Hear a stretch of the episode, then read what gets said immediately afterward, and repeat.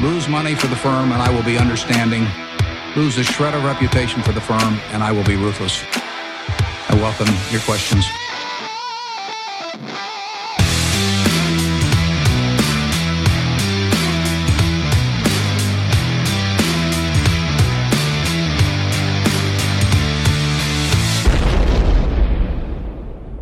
Hjärtligt välkomna till Kvalitetsaktiepodden. Det är jag som är Ola.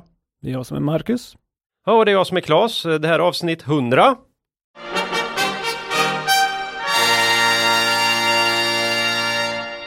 Som spelas in torsdagen den 16 september i Kaps ombyggda och utökade studio slash konferensrum. Ja, och, och, idag har vi ju faktiskt. Ja, det är något som är lite udda här va? Vi har ju en uh, ytterligare en uh, medlem här mm. i, i, vårt. Uh... Den så kallade elefanten i rummet. det var väl inte så snällt sagt. Men, Nej, du, men ack så sant. Du är inte sä- Han, du... du har ingen snabel och så. Det har Annars är det väldigt mycket elefant. Nej. nej, nej. nej. Eh, välkommen till podden säger vi till vår nya kollega Marcus. Tack så fantastiskt mycket. Mm. Mm. Eh, vi ska inte bara podda ihop utan vi ska ju också leta intressanta noterade och onoterade bolag om dagarna. Och precis som jag och Ola alltid har gjort så kommer vi bära med oss en del av det där vi hittar där in i den här podden. Mm. Mm. Det är meningen. Det är ju meningen. Eh, ja, i det här eh, jubileumsavsnittet så ska vi prata lite om eh, dina investeringserfarenheter. Ja. Och i kommande avsnitt här så ska vi också prata lite mer filosofi. Så blir det. Brukar ta de chanserna när vi får dem. Ja. O, o, oväntat ofta väldigt populärt för jag tycker vår filosofi är så fruktansvärt tråkig. Men eh, folk brukar ja, gilla det. Ja, och filosofi, alltså, ibland blir det mycket bolag och sådär mm. och kanske svårt att om man är ny lyssnare och bara liksom fånga filosofin utifrån ett par case så, mm. utan eh, det tål att upprepas. Mm. Eh, men hjärtligt välkommen Marcus till eh, både podden och företaget här. Superkul att ha dig med. Mycket kunskap som vi får in här nu och eh, ja, jag ser fram emot Har redan börjat göra avtryck. Ja! Mm. Mm. Stort tack. Det ska bli väldigt spännande. Ja. Eh, ja, vi ska även prata några bolag på börsen som Ola sa. Eh, vi ska se om jag har blivit komplett galen av all info jag fått om en viss eh, nischbank. Och vi ska varna lite för ljudet tror jag. Aha. Vi har ju fått sätta om oss här rejält och eh, lite nya mickar in och, och sådär. Mm. Det, är, det, är, inte för att du är lite hes då som? Nej. Ja, du menar det att jag är tokförkyld också? ja, det är inte mickens fel kan jag säga. Det här, det här härliga nasala ja, ja. Som, som kommer fram där då. Men du hade väl ett hemligt medel mot det, hade du inte? Jo, jo, ja, mina Revoice. Precis. Ja, ja, de är, det kan jag rekommendera alla som ska köra podd. Och vi är inte sponsrade då? Nej. Eller sjunga opera. Eller sjunga opera. Då, då kör man Revoice. Eh, det blir ingen opera för mig idag. Som vanligt. Det tackar vi för. Det tackar vi för. Klokt mm. tror jag. Mm. Ja, några som hade kunnat sjunga jävligt bra opera om de bara hade gjort det. Vet du vilka det är Ola? Cavalier Det är Cavalier kan jag säga det då. För som, idag har vi som vanligt med oss vår huvudsponsor Cavalier AB. Mm. Och eh, här hade jag tänkt att få till ett skämt mm. om att jag brinner för att få vara en fluga på väggen på Cavaliers kontor.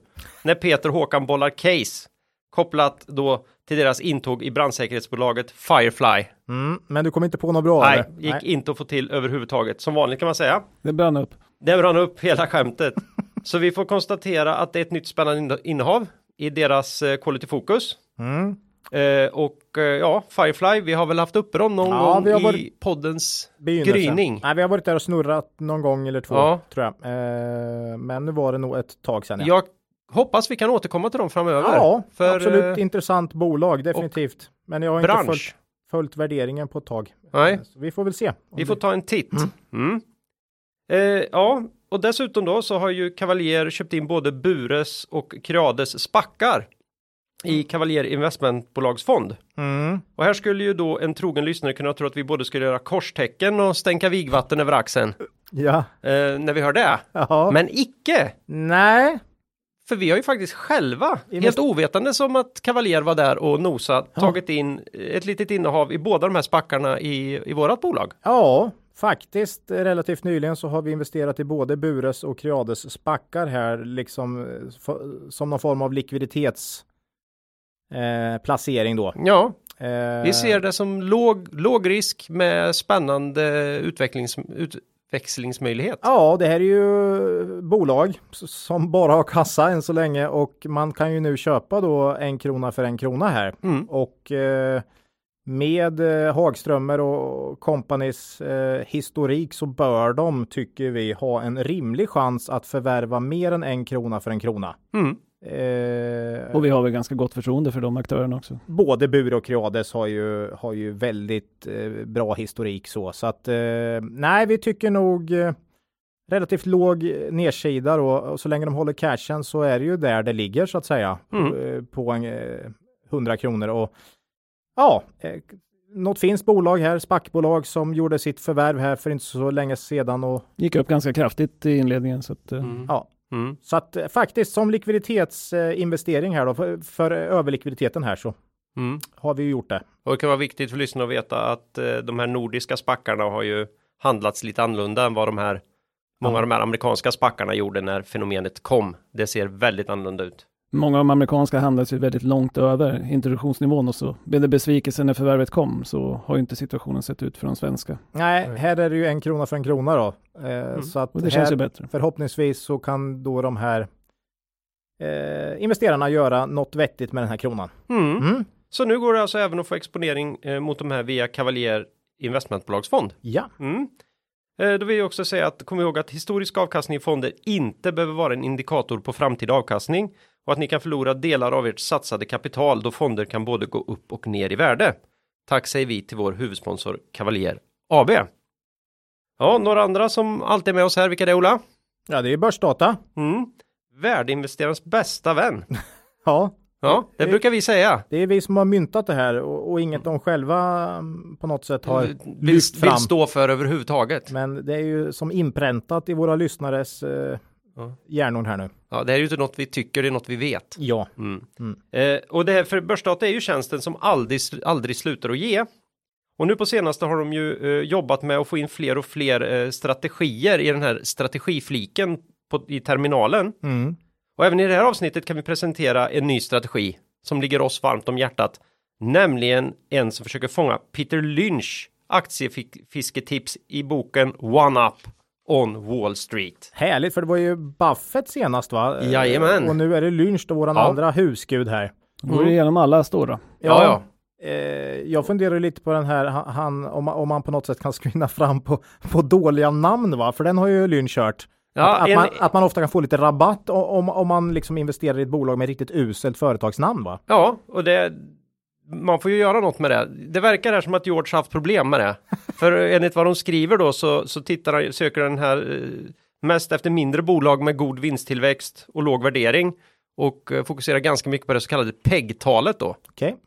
Och, och man har nog kappat då hur stora de här bolagen får vara. Ja. Men det George måste göra nu det är att samla ihop en grupp med med normalinvesterare och, och, och låta dem Och börja ranka. ranka alla namn. Sitta och rösta igenom. Rösta igenom då och sen en, får man en poäng från 1 till 10 Ja, eller så gör man det själv. Man ser den här listan med 20 som toppar här på Peter Lynch-screeningen och sen så väljer man själv ut om man tycker det är sämst då. Ja, det man kanske- får göra en egen sån övning. Ja, Ja, det är faktiskt inte en dålig. Eh, för då lär du få bra. N- när det här bolaget fortsätter att göra bra ifrån sig då, Mm. då kommer inte marknaden kunna stå emot trots jag tror vi det röstade dåliga fram namn, namnet. Pressio Fishbone som ett av de sämre på börsen va? Ja, Eh, i vår några, egen. För några år sedan när vi hade någon sån här Mm. egen intern eh, topplista Mm. på, på hal, ha, halvsvaga bolagsnamn va? Mm. Men, men mm. Det kanske börjar bli dags att göra en uppdatering av den. Det har ju kommit ganska mycket nya bolag på Ja, det har verkligen gjort. Ja. Rejäl uppsjö av, av nya kandidater här kanske. Ja. Och det blir bara svårare och svårare att hitta bra namn. Så Ja. att eh, ja. jag vet, eh, det var ju någon podd som körde nästan en hel podd om Essity. Mm. När den avknoppningen, Mm. Eh, SVT tycker inte jag låter så dåligt längre. nej men det De- kändes ju, då kändes det ju katastrof, Ja, man vänjer sig. Man vänjer sig ju. Ja, ja. Det är ju så. Mm. Eh, Men eh, det är väl värt att, att ta och läsa lite i One Up on Wall Street och, och det kapitlet om just eh, bolag med usla namn och som har verksamheter som gör folk som folk mår dåligt av. Ja, just det. Begravningsentreprenör. Fettavskiljning och begravningsentreprenör. Då kan man ofta få Ja, kassa eller för, kan, oljeavskiljning var det nog. kan man ofta få kassa för lite billigare. Lite billigare. Mm. ja. Eh, tack säger vi till Börsdata. Tack. Mm. Innan vi går vidare avsnittet vill vi påminna våra lyssnare om att aktieinvesteringar alltid innebär ett stort risktagande. Aktier kan både gå upp och ner i värde. Satsa därför aldrig kapital på aktier som du inte är beredd att förlora. Det vi säger i podden ska aldrig betraktas som köp eller säljrekommendationer. Gör alltid din egen analys av bolagen innan eventuell handel. Ja, här är det ju inte riktigt bolagsdelen som tar vid, men vi kanske kommer nämna en del bolag. Så jag kände det var värt att kasta in en liten disclaimer där då. Mm. Vi tänkte ju prata lite om eh, Marcus eh, hi- historik som investerare. Ja, det är en introduktion här, Mm. Marcus. V- vad säger du om det? Absolut. Ja, och eh, det är bara att köra igång.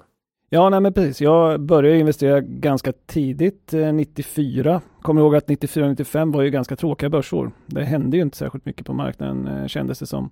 Eh, det var ju även ganska annorlunda på den tiden för att en aktieaffär gick ju till så att man gick till banken, bad dem att få köpa aktier. Bankerna hade ju då fysiska kontor, till skillnad från nu.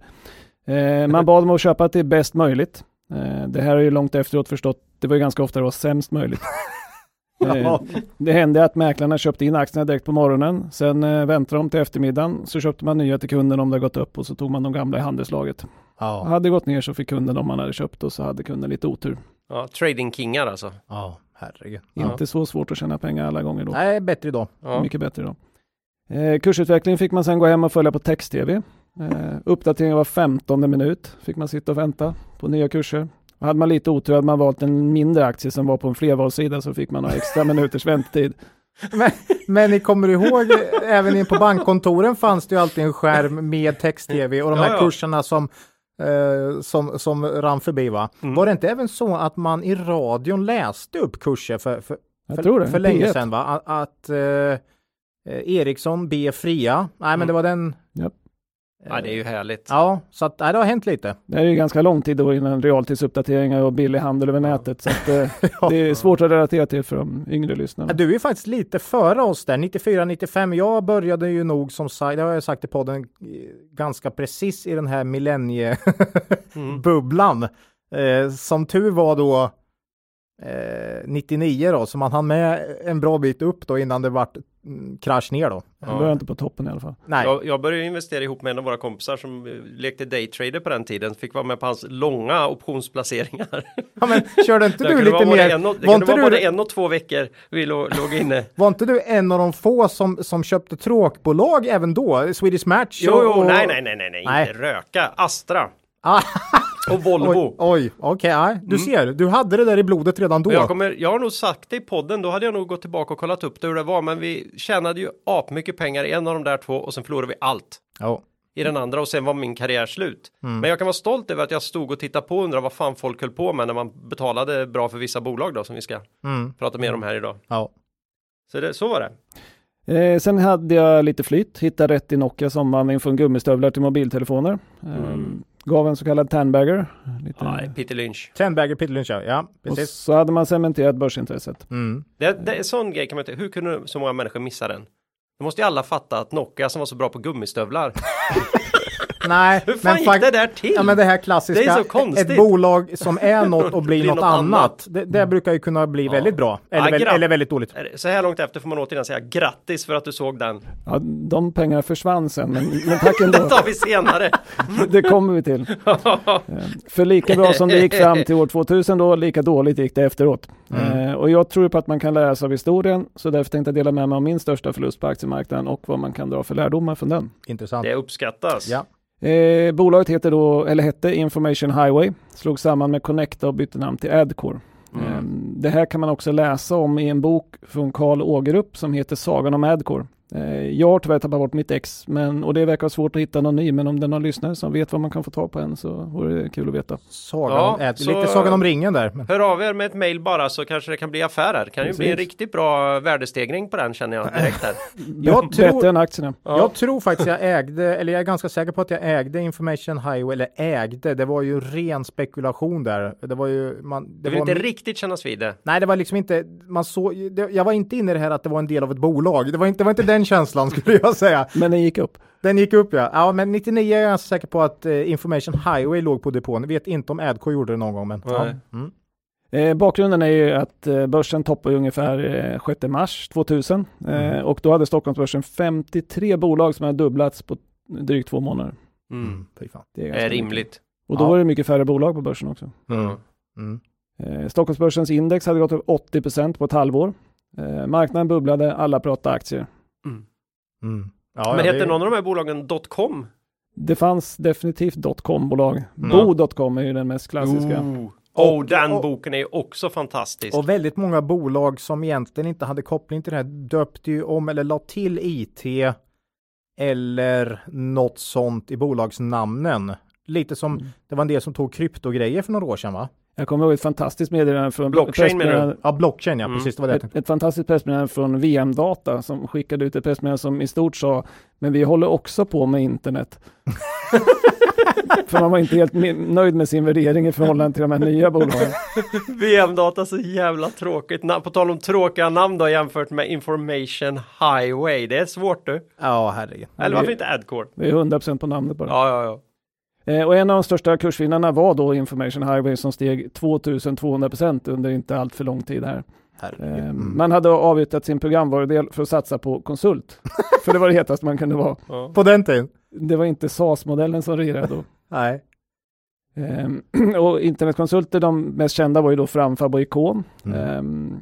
Och Framfab på toppen var ju extremt högt värderad och min minnesbild är att det till och med var så att om man hade en värdering av Framfab som den, som den såg ut och man hade värderat alla Framfab-anställda i guld mm. så hade det varit en mindre värdering. Vilket eh, Deras värdering i bolaget var, de var värda mer än om de var gjorda i guld istället. Exakt. Det är ju ganska svårt att motivera då. Och det försökte man inte alltid med. Och jag kommer ihåg en intervju med en analytiker som, som eh, fick frågan att ja, men kan Framfabs verksamhet verkligen motivera det här börsvärdet? Och svarade något i stil med, nej men det måste ju förstå att det är inte verksamheten man har nu som betyder någonting, utan man har ju så högt värderad aktie så man kan ju köpa massa andra bolag och den verksamheten kommer ju då motivera det här börsvärdet. Mm. Ja, något sånt skulle aldrig kunna hända idag. Jag tänker Birgersson var ganska liten, mm. jag tänkte det kanske inte blir så mycket guld.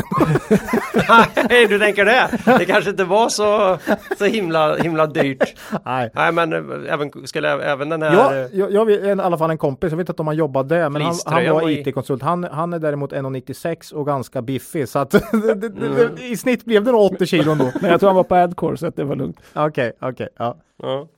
Men eh, i alla fall då så kan det vara värt att fundera på i dagsläget också att har man en affärsmodell som mest går ut på att köpa bolag med en högt värderad aktie så kan man få problem om aktien inte längre är högt värderad. Ja, Nej.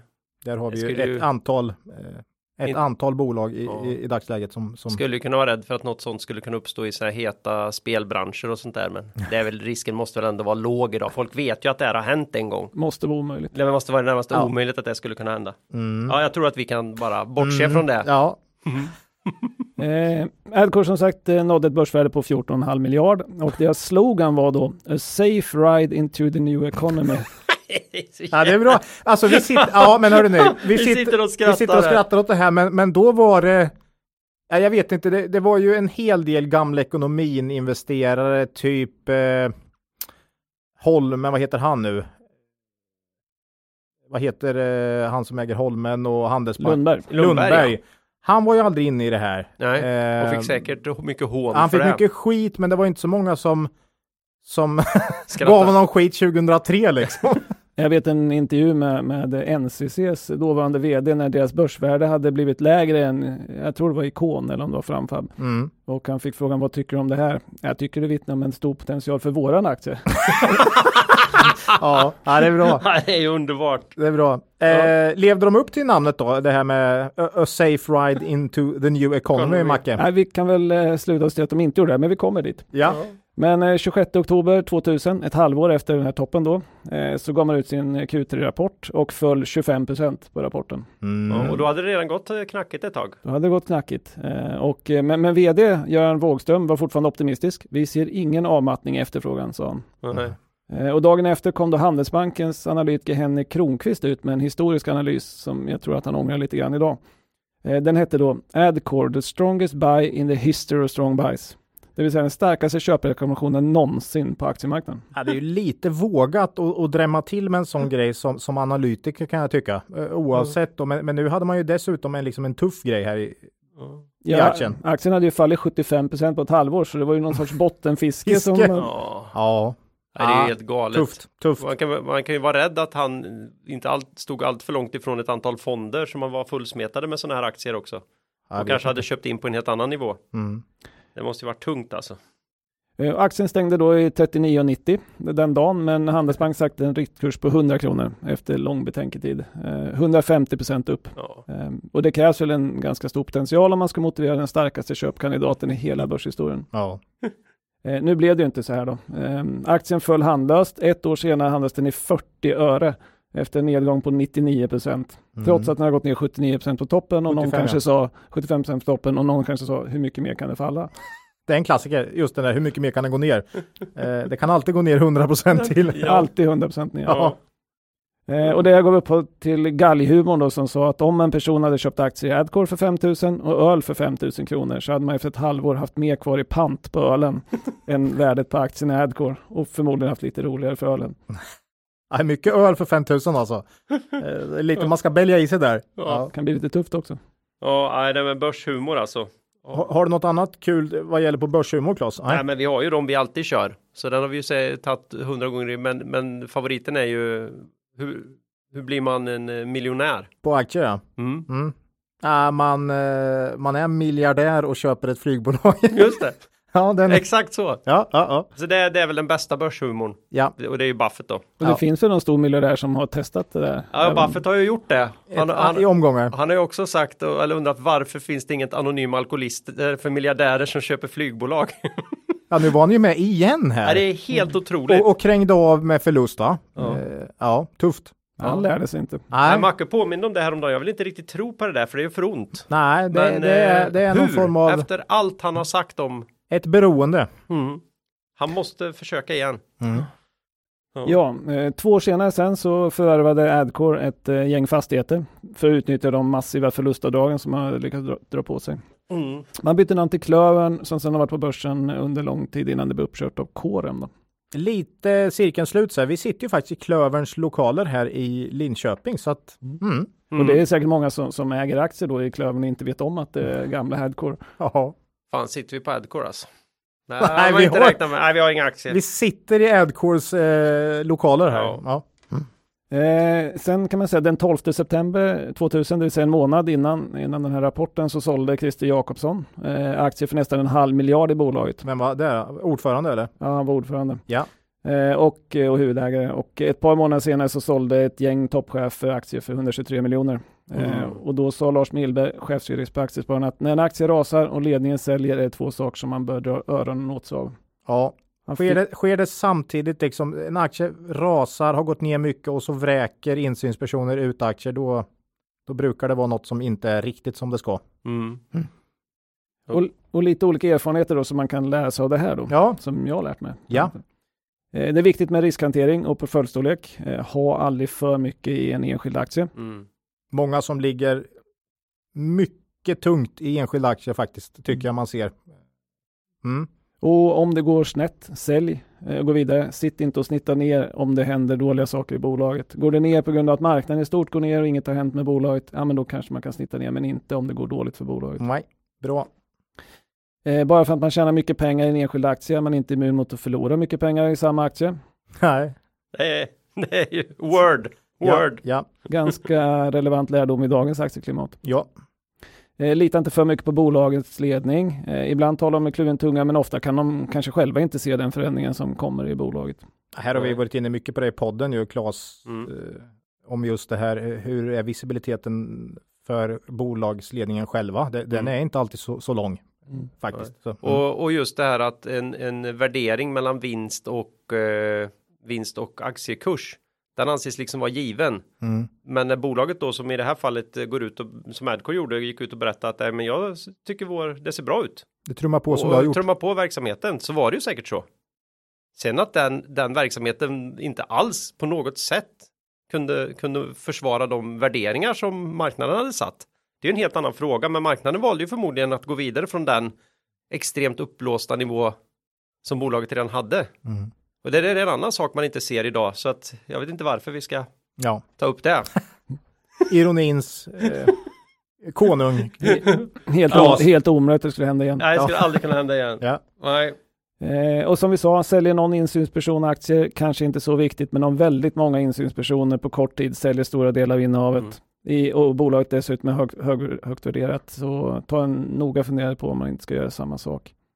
Eh, jag såg att Benson i en krönika i senaste Affärsvärlden jämförde just de här försäljningarna i Adcore med försäljningar som skedde nyligen i EQT. Vi får hoppas det går lite bättre för det här bolaget. Mm, ja, precis. Nej, det, det, var, jag läste också den faktiskt. Det var en, en intressant spaning. Det var väl dock lite mer på marknads, marknaden i stort va? Marknadssentiment. Lite. Sentiment så. Mm. Mm. Nej, bra, bra kommentar. Eh, lita inte för mycket på analytikernas åsikt kring ett bolag. Som framgår i exemplet eh, tidigare här så kan de ha väldigt, väldigt fel. eh, lägg inte för mycket vikt vid riktkursen som en analytiker har sagt. Eh, satt, I princip så är det bara en gissning av begränsat värde. Eh, studier har visat att analytikerna ofta följer aktiekursens utveckling och inte tvärtom så att de förutser aktiekursens utveckling. Ja, ja. Mm. Eh, gör alltid en egen analys. Har du fel och det händer saker som du inte räknar med, sälj och gå vidare. Man behöver inte tjäna tillbaka pengarna i samma aktie. Nej, Nej mycket bra här. Eh, det här eh, är ju grejer man hoppas att eh, våra lyssnare i mångt och mycket har tagit till sig såklart, de här lärdomarna. Men det är inte så himla lätt att tillskansa sig lärdomar om man liksom inte har upplevt det själv eh, riktigt. Men visst, vissa ju, kan ju ta åt sig av andras lärdomar och lära sig av det, men mm, det är inte det är helt svårt. lätt. We, we had it rough. ja, ja, precis. Monty Python eller? ja, ja. The kids of today, they won't believe you. Ja. Nej men det är väl så. Mm. Det är ju jättesvårt och om, om, du aldrig, om det aldrig regnar liksom. Varför ska du hålla på och springa omkring med ett jävla paraply? Det är ju skitbökigt liksom. Mm. Det, jag vet inte vad det är ens. Nej, men, det, det, men den dagen det regnar då. Mm. Nej, men det, det, är väl någon som har sagt att dumma människor gör om sina misstag. Mm. Normala människor kan lära sig av sina misstag och de riktigt smarta lär sig av andras misstag. Va? Mm. Eh, det ligger något i det, men det är inte helt lätt alltså. Nej, det är, inte. Det är jättesvårt. Mm. Sen är det väl en marknad som har belönat de som har tagit väldigt mycket risk under ganska lång period också. Så och det var det ju även, det var det ju även under den här perioden. Ja, de som sålde Adcore Tid gjorde ju säkert helt fantastiska vinster. Jo. Absolut. Inte minst ordföranden där då. ja. han kan ju inte ha sålt på toppen, men tillräckligt bra. Tillräckligt, nej. Ja, ja. det är ju sjukt alltså. Nej, men det här var ju förstås jättejobbigt att förlora pengar, men i efterhand var det ju det bästa som kunde ske, för det gav en mycket sundare syn på risk och långsiktighet. Eh, och det är väl värt att påtala för alla nya, nyare aktiesparare som tar för mycket risk i början, vilket de flesta gör, ehm, och sen åker på en smäll, mm. är att sluta inte med aktier. Det är det överlägset bästa sättet att spara över tid och se smällen som en ovärderlig lärdom och eh, det är bättre att ta en smäll i början innan kapitalet har blivit stort. Mm. Ja, vi tog ju den här när vi var studenter. Mm, gjorde vi. Precis. Tack, tackar vi för. Ja, då hade man inte sådär jättemycket kapital. Men, men, men nog är det svårt. Jag tror jag höll upp med aktier i ett par år efter det. Och sen drog igång igen. Men, men visst är det svårt att om du åker på din första smäll. Det är nog ganska lätt att man då lägger av. Mm. För att man, man känner att nej, det här var inget för mig. va. Eh, så att, eh, mm. Och det kan man ofta se på statistik från Avanza Nordnet att det är mycket sparare som kommer in vid topparna. Ja, att, eh, ja. Nej, försök vara långsiktig och hålla ut. Mm. kanske ska ändra strategi då till, till, till nästa gång. Men, mm. eh, men jag studerade då samtidigt som, eh, som Ola och Claes i Linköping. Blev klar 2002 på hösten. Var ju kanske inte världens bästa tidsperiod att söka jobb i finansbranschen. Nej. Ja, det Minst var sagt. hårt. Vi hade ju våran eh, kursetta i Linköping. Han körde ju likbil vet jag i Uppsala där 2002. Mm. Som sitt första jobb. Det var, ja, det var inte lätt att, att, att få jobb som ingenjör. Nej. Nej. Och inte som ekonom heller. Jag jobbade som energirådgivare något år där också. Mm, mm. Det var ett väldigt trevligt jobb, men det kanske inte var det jag hade tänkt. Var du uppe på vindar hos gamla ja, människor ja, och, och, och kollade om de kunde tilläggsisolera? Ja, exakt så. ja, mm. så, så, så är det. Uh, they wouldn't believe you. The kids of today. They, wouldn't believe you. Nej. Nej, men det löste sig sen. Ja, men var, vart hamnade du då Macke? Nej, men jag, lite av en slump så fick jag jobb på Stockholmsbörsen eh, och har sedan jobbat nästan 20 år i finansbranschen. Eh, mm. fram till för ett par veckor sedan. Mm. När vi ska börja jobba med Ola och Claes, vilket ska bli fantastiskt kul. Ja, mm. grymt. Eh, vilken kunskap vi får in här innanför mm. väggarna. Det känns fantastiskt. Ja, jag gör redan avtryck. Mm. Det är härligt. Eh, slutligen då så kan man ju säga att när jag började med aktier så var det ganska svårt att hitta bra information om, om, om alla aktierna. Eh, Medan det idag finns ju ett informationsöverflöd som är ganska enormt. Det är bara att gå in på vilken chattsida som helst så finns det hur mycket information som helst som, som kan vara lite tvetydig och svår att ta till sig. Eh, för att hitta rätt i informationsdjungeln då tycker vi att KAP är ett ganska bra ställe och eh, söka inspiration. Men ja. jag skulle vilja slå ett slag för utmaningen på Dagens Industris börsavdelning eh, för aktiechatt som heter Börssnack. Just det. Det har vi nämnt någon gång i podden innan. Ja, ja. vi har pratat mm. börssnack. Mm. Det är ju då en eh, tävling eh, som har hållit på i mer än tio år. Tio deltagare väljer varsin aktie varje månad. Eh, huvudsaken är då att det får inte vara förlustbolag utan det ska vara vinstdrivande bolag. Eh, de här deltagarna har ju krossat index eh, år för år, vilket Ja, är en fantastisk prestation. Verkligen. Ja. Särskilt när man eh, tänker att ett, en månad är egentligen alldeles för kort tid för att utvärdera en aktieplacering. Mm. Eh, Men gå nu inte in och köp alla aktierna som de köper, utan Nej. eh, följ utmaningen, läs motiveringarna, eh, även de äldre till tidigare månader och eh, eh, lär er och eh, ta inspiration. Eh, men kom ihåg, gör er egen analys som vanligt. Klassiskt. Mm. Och i utmaningen var ju även Ola med ett Jo. antal år innan KAP eh, kom till ljuset. Ja, Mm. faktiskt var jag med där och eh, ställde upp utan vinst då skulle jag säga. Inte ens du vann. Nej, Nej. men eh, placerade mig hyggligt bra. Och lite här då kan vi flagga inför nästa avsnitt Mm. då vi faktiskt planerar att göra en, eh, en intervju med en av eh, deltagarna i den här eh, tävlingen, utmaningen. Och kanske våga sticka ut hakan och säga Börssnacks eh, rapportkung. Absolut. Han eh, är väldigt snabb med att lägga ut länkar till de rapporterna som precis har kommit och dessutom ganska snabbt tycker jag göra en vettig konklusion faktiskt av rapporten. Som nästan alltid stämmer, vilket är helt otroligt. Ja, så att nästa avsnitt tänkte vi faktiskt få till en intervju med Krimpen här på Mm. Börssnack. Eh, ska bli spännande och Ska vi försöka komma ihåg den frågan? Hur, hur gör du när du läser rapporter? Ja, eh, hur, hur kan du vara så snabb? Ja. Nej, men faktum är ju att jag har ju pratat med honom och så jag vet ju att han har väldigt mycket koll på väldigt mycket bolag och det krävs ju därför att du snabbt ska kunna bilda en uppfattning Mm. såklart. Så att, Mm. Eh, ni får kom ihåg det, skicka gärna in frågor om ni har frågor att ställa till Krimpen då.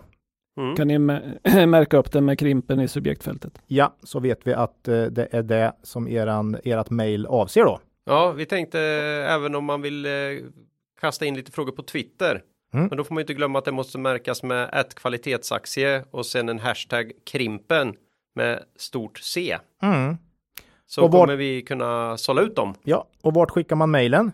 Ja, till eh, info at kvalitetsaktiepodden. Nej, kontaktet kvalitetsaktiepodden.se. Nu satte jag dig. Mm. Din rackare, bara för att jag inte är i den delen av manus. Ja, jag tänkte, löser han det här? Men Det gör jag ju inte, för jag Jo har ju inte det framför mig Nej, här. kontakt at Jag skickar ju aldrig mail till mig själv. Nej, det är klart Mm. man inte gör. Nej, Så är Så det. är det. Mm. Bra! Ja, men, Ja. Varmt välkommen till podden Marcus. Ja. Stort tack. Mm. ja, Du ska, vi, nu är mm. vi verkligen igång. ja. Du ska ju ta bolag här sen också. ja, ja, Absolut. Eh, ingen, inget kapavsnitt utan bolag va? nej. Men det är ingen bolag på A, så det tar Nej. ett tag. Det, kommer, Nej. det dröjer. Mm. Det kommer dröja. Eh, vi hade väl lite aktuella eh, grejer här va? Mm. Eh, Macke skickade ju i morse här att eh, jag fick ju upp hoppet något alldeles fantastiskt. Jag visste ju redan att det skulle bli bubbel idag för att fira 100. Så jag sa vi ställer in det och istället firar vi en avknoppning. Momentum Group här, eller det heter de, Momentum Group? Ja. har flaggat för att de skulle stycka av en del. Så jag gick omkring här och skanderade Svedol, Svedol, Svedol. Men hur, hur blir det med den där Macke egentligen? Klein, Klein. Det är liksom- Klein Ullenvik. ja, vad händer? Nej, det, verkar, det verkar ju tyvärr inte som namnet kommer tillbaka Ja, i alla det fall. är ju Men för bedrövligt. om de inte ändrar sig efter att ha hört dina, dina rop Ja, på hjälp. För, för nya lyssnare kan vi säga att förr i tiden fanns det ett bolag som hette Sweden. det gjorde det. Vi Eh, tog upp dem någon gång i podden. Ja, det var eh, kanske det mest frekventa i podden fram tills det då köptes upp av det, Momentumgruppen. det var på den tiden vi var tvungna att rida ett case kanske i flera år. Innan det hände något. Innan det hände något, inte bara två, tre veckor. I den här marknaden så, så, så hinner det ju bara gå någon vecka så, så, så är aktien upp. Ja, Ja. det är sjukt. Ja. Nej, det tackar, tackar för den, den, den lilla glädjestunden innan det, Mm. det förföljer. Det är märkligt agerande ändå. Var, varför gör man så? Ja, du får väl fråga Nordstjärnan kanske. Ja. Eller? ja, men det är svårt att hitta på anledningen. Ja. De Nej, jag kanske ångrat sig helt enkelt. Ja. Det, det, favoriten är att jag tror att det kommer stå någonting om att vi tror att det här är en del av bolaget som trivs bäst i en noterad miljö. ja. Ja. Förutsättningarna för att agera som ett e- separat bolag. är- Ja. ja, ja, någonting sånt. ja. Ja, det ska bli spännande att se, om, eller om de vill få in lite mer pengar i verksamheten kanske. Mm. Något sånt kommer det väl vara. Eh, Ola, du ville säga något om H&M. Ja, vi tog ju, jag tror det var senast vi pratade lite H&M och eh, ja, de släppte ju sina kvartalssiffror. Det var lite sämre än marknaden hade trott. Eh, där får jag då säga att jag låg nog hyggligt på den prognosen, men det spelar ingen roll. Jag, jag tycker caset som sådant är nog det som vi lyfte i förra podden att istället för tillväxtbolaget kanske det kan bli det stabila defensiva bolaget eller aktien mm. hos investerarna med en relativt hög direktavkastning och stabilitet i konjunkturcykler. Mm. Och kött och blod i ägarlistan. Ja, jo, det får man ju säga.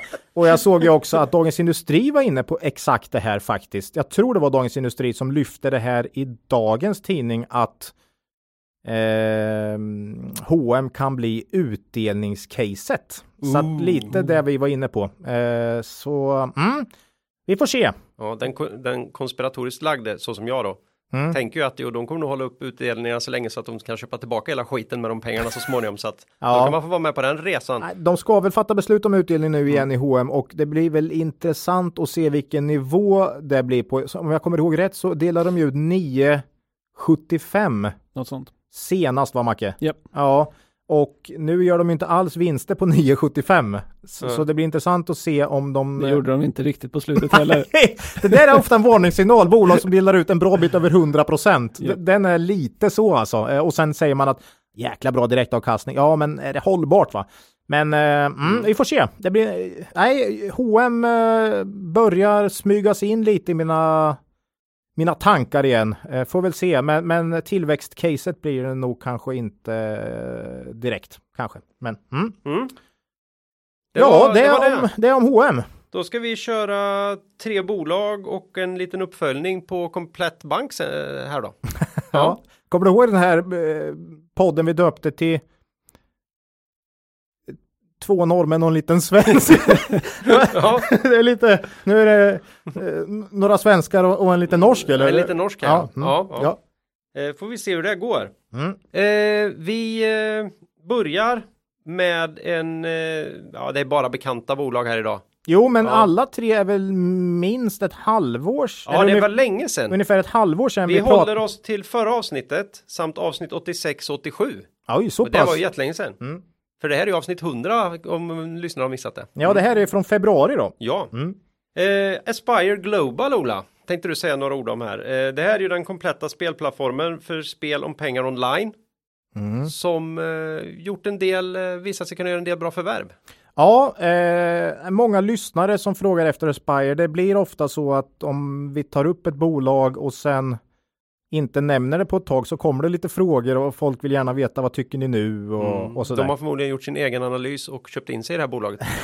ja, eller så mm. bara har de gjort det och, och, vill stämma av sin egen mm. eh, jo, analys. det är det jag tror. Ja. Mm. Eh, nej, men det här, vi, vi har väl alltid sagt att vi tycker det är ett intressant bolag och framförallt lite bortglömt på marknaden, lite, vad ska man säga, vad heter det? Under, Styv... Underanalyserat. Och styvmoderligt behandlat, fast inte på senare tid. Nah, den gick upp, alltså, om, vi, om vi säger så här då. Eh, för det första ska vi säga som du sa, det är en helhetsleverantör inom gambling då, eller eh, spel, spel om pengar. Spel om pengar. Eh, man har en plattform för operatörer, mm. eh, framförallt då medelstora, som man liksom kan få en helhet. Där, liksom de tillhandahåller en plattform med allt som en som en eh, operatör, speloperatör behöver då för att kunna attrahera spelare. Eh, men förutom det här nu så äger man ju en egen sportsbookleverantör. Man köpte ju B2Bet här för något år sedan eh, eller två och eh, med Bit, nej det är väl något år sedan, har man ju tagit ganska kraftig tillväxt. Eh, verkar gå väldigt mm. bra det här, den här spelbolags, eh, speloperatören då, eller sportbooksoperatören. Mm. Eh, och eh, många av de pressmeddelanden man har sett från Aspire senaste året härrörs från just det här förvärvet där B2Bet tar nya kunder då. Mm.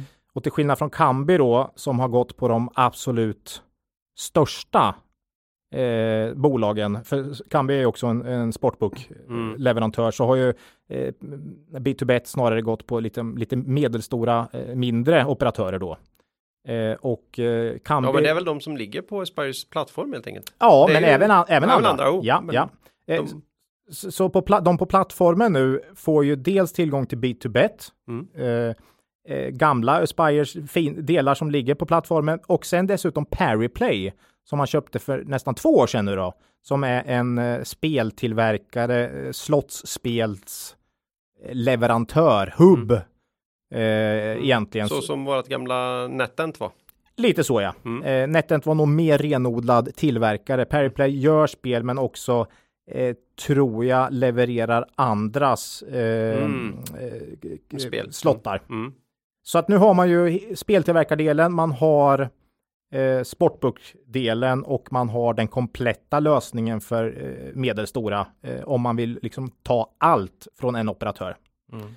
Eller från en eh, leverantör menar jag, förlåt. Eh, vi sa väl senast här att vi hade sålt våra aktier då i Aspire Global här eh, i mitten på februari och då hade ju den här aktien en väldigt stark period bakom sig. Det var nog den du syftar på där Claes. Mm. Eh, och eh, vi tyckte väl att det var hyggligt fair value och lite sådär svårt att veta de närmsta kvartalen och hur mycket mm. var pandemi och, och sådär. Eh, Ganska uppskruvade mål också som man kände. Ja, dessutom ska de, det. Ska de kunna nå det? Jag lyssnade tillbaks på vad jag sa i februari här och mm. jag sa faktiskt då att för första gången så kunde jag tro på målen. Mm. Eh, men när Q3 nu släpptes för någon månad sedan här så kände jag mig precis som ledningen helt plötsligt ganska övertygad med att de kommer göra det. Mm. Eh, det har gått klart bättre i år än vad vi uppskattade till eh, här i februari faktiskt. Så vi har ju fått skruva upp våra förväntningar här på både 21 och 2022 då. Eh, vi tror som sagt att man kommer uppnå de här målen man har haft för 2021 under flera år. Det är inte många som har trott på dem och inte vi heller egentligen förrän i år då. Mm. Eh, och marknaden har, jag har sett liksom de som har följt bolaget har aldrig haft prognoser som har legat på deras finansiella mål, utan de har legat en bit under. Eh, det är lite intressant det här med släppa nya mål. För gör du det och du aldrig har uppnått några mål så, så kan ju marknaden bara säga att jo, whatever, liksom. Det, det finns ju ingen bärighet i det här, för de, de, de lovar, eh, eh vad heter det? Ja, guld och gröna skogar. Ja, men håller ja, men Den klassiken vi brukar ta upp är ju de här som aldrig slutar. Eh, vi ska ha 7-8 procent, ofta är det faktiskt 7 procents rörelsemarginal. Man ligger på 3-4. Eh, det händer aldrig någonting, man vägrar, och då är det ju inte ett mål längre utan det är en vision. En hägring. En hägring, men här, här verkar det vara mål. Ja, man är ju nära nu. Det är mm. bara två kvartal att redovisa kvar här då faktiskt. Så det blir lite intressant här nu. Vad kommer man släppa? Nej, man vet ju om. För det första om. Kommer de släppa nya finansiella mål här vid årsskiftet då? Eh, och vad kommer de då vara? Mm. För jag tror marknaden, om man nu har uppnått de här målen man har satt sedan tre år tillbaks, så är det nog mycket större sannolikhet att marknaden verkligen tar åt sig de här målen nästa gång. Mm. Och det är ju så att marknaden är alltid väldigt framåtblickande. Om man tittar på kursreaktioner på rapporter till exempel så kan ju Dagens Industri skriva att resultatet var över förväntan och kursen gick ner 10 mm. Och då beror det på att man har skruvat på utsikterna framöver då. Så att eh, ja. marknaden är framåtblickande, målen är extremt viktiga och har bolaget uppnått sina mål så sätter man mer tilltro till det och då kan du få en starkare tro på det. Ja, och det här med att liksom Dagens Industri skriver att Eh, resultatet högre än förväntan, men sen så marknaden sätter fokus på orderingång och orderstock vid slutet av kvart, alltså mm. kanske, och så åker aktien ner som sagt. Mm. Det framåtblickande är så oerhört mycket viktigare. Eh, om vi kollar på verksamheten under 2021 så är det ju faktiskt B2Bet då, eh, Sportboken och Periplay som fortsätter spela ut väldigt bra för Aspire, men jag skulle säga även deras övriga delar går väldigt bra det, det, det, som är lite intressant, vi pratade med vdn här ganska tidigt. Mm. Och vi tyckte Sachi, ja, och vi tyckte de var lite sega. Mm. Att det hände, liksom det här förvärvet, man, man hade tagit upp en bond, en, vad heter det? En obligation, obligation mm. eh, som låg och drog ränta länge, men man gjorde aldrig något. Lite mm. Invido, liksom, de har sagt att de ska, för, eller VBG, och, liksom det, men det händer aldrig något. Men här får man väl säga att det kanske ja, det, det, verkar som att man väntade med rätta här då. Man mm. har ju verkligen fått till det här. Eh, geografiskt, lite intressant faktiskt. Eh, UK and Ireland. 100 upp. Mm. Oerhört stark utveckling. Det är många, det är många, alltså det sa Sachi redan då att vi kommer satsa på att vara bäst på reglerade marknader. Mm. Och det är det många som har sagt. Men det, det är svårt. Mm. Det är svårt, men han, de verkar kunna leverera alltså. Ja, eh, det andra som har gått över 100% i tillväxt är ju Rest of World. Och det, det är jag, inte reglerat. Nej, ja, USA växer man ju i och för sig, men Sydamerika är ju starkt. Och mm. dessutom Afrika, jag tror inte det är den, den mest reglerade delen. Så att, du tror inte det? Nej, men, men UK och Ireland, fine. Eh, men, men där har du liksom de, där det har vuxit riktigt starkt. Men om, om man kollar på lite längre mm. sikt så är det som vi har sagt mycket Betsson och, och, och så, uh, Kindred, att från att ha varit mer eh, europeiska aktörer så kan man ju framöver bli en global aktör ganska lätt med tanke på eh, att det är digitaliserade verksamheter. Mm. Liksom. Eh, eh Aspire har ökat sin omsättning med 23 procent per år senaste fem åren enligt börsdata. Ebit-marginalen verkar att stabiliseras på en nivå på cirka 13-14 procent ungefär. Eh, och ja, det här är en nivå som jag faktiskt kan tro på långsiktigt. Kollar man på Aspires mål så är det också där man ligger nu ungefär. Eh, de som de nu eventuellt ska, ska uppdatera vid årsskiftet. Jag har dock fått en känsla när jag sett analyser eller snack, intervjuer menar jag med, med, med vd här, att man kanske tror på något högre marginaler på sikt i Aspire trots att det blir mer och mer reglerat och skatter för att Powerplay och B2Bet blir en större del av kakan och här har man betydligt högre lönsamhet då. Eh, skulle mm. kunna vara så. Eh, ja, som sagt, väldigt intressant att se om man släpper nya finansiella mål här när de gamla går ut. Eh, värdering. Vi gissar på ungefär 5 svenska kronor i vinst per aktie i år, då, omräknat från euro. Eh, och för nästa år då med en, en bra tillväxt bör man kunna kanske landa på runt 6 kronor. Eh, och det bygger på att man trummar på med de här 20% tillväxt per år med hyggligt stabila marginaler. Mm. Där man har legat. Det är P12 på en sån prognos och det är ju lågt för ett bolag som växer så pass snabbt. Eh, utan tvekan. Eh, nu har man en stark finansiell ställning. Man är ju netto. Man har ju faktiskt till och med en liten nettokassa trots att man har gjort de här förvärven då. Mm. Så att. Eh, och, och löst bonden eh, kassaflödet i branschen är ju generellt väldigt starkt, mm. eh, får man ju säga. Eh, ja, jag har sett riktkurser här på 102 av Pareto och 110 eh, eh, från någon annan aktör här efter Q3.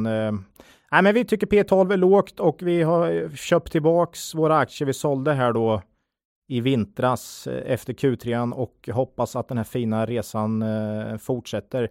En intressant grej, det kom ju lite budrykten i Betsson här idag. Mm. Mm. Jag vet inte om ni såg, men aktien är väl upp cirka 10% här eh, just nu då, Betsson och bakgrunden till de här budryktena är ju mycket att Betsson sitter på en egen, egenutvecklad sportsbook. Som man har tagit fram under de senaste åren eh, och eh, det har vi också haft uppe i podden att inte många har sett något eller marknaden har nog inte satt något större värde på det här. Men eh, mm, det är lite intressant för Aspire har ju också som sagt en, en sportbook-leverantör i sitt, under sitt paraply som verkar gå väldigt bra. Mm. Eh, så mm, nej, Aspire, eh, vi är tillbaks här. Ja. Efter ett halvårs frånvaro och eh, mm, hoppas att det faller ut väl som man brukar säga. Ja, det här är vårat bett i branschen just nu då. ja, så är ja. det. Eh, eh. Ser om de kan, har de lagt några odds på att det här ska bli bra? så vi kan. ja, nej. nej, jag fick ju faktiskt in uh, att Djokovic skulle torska här i, i, i helgen. Ja. Uh, Kändes bra på spelkontot men tungt i själen eller? Nej, jag vet inte. Uh, mm.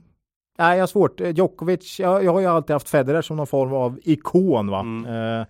Men Jocko är en grym spelare. Ja, du har ju berättat för mig, han har ju liksom alltid haft det där emot sig. Han har ju varit den där onda utmanaren till de här hjältarna Federer och Nadal. Och... Ja, nu är han ju, alltså han är ju, han har lika många Grand Slam och han är ju lika stor om du ser till Grand Slam-titlar till mm. exempel. Men eh, publiken har liksom aldrig varit med honom. Men nu fick han ju kärlek här. Mm. För första gången i finalen och... När han förlorade. När han förlorade. Nej men de hyllade hela matchen och de lyfte fram honom och han grät eh, och liksom han sa att jag är den lyck eh, trots att jag förlorar så är jag den lyckligaste mannen i världen eller något sånt där sa han mm. i sitt tacktal. Han var väl lite... Kändes ärligt.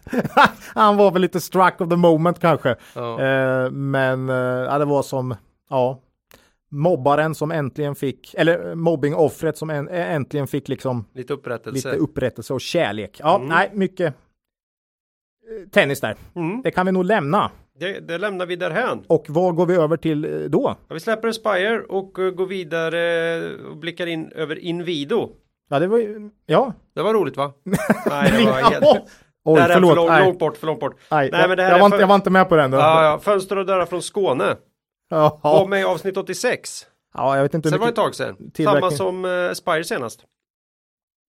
vet inte hur mycket tillverkning som ligger i Skåne dock, men eh, ändå. De Nja, har ju vi- sitt headquarters. Jag var faktiskt nere i Malmö i somras och gick förbi loggan. Oj! Ja, ja, så att jag vet precis vart de har sitt, sitt eh, headquarters. Sitt näste. Ja, Mm. Är det en lynchning? en lunch.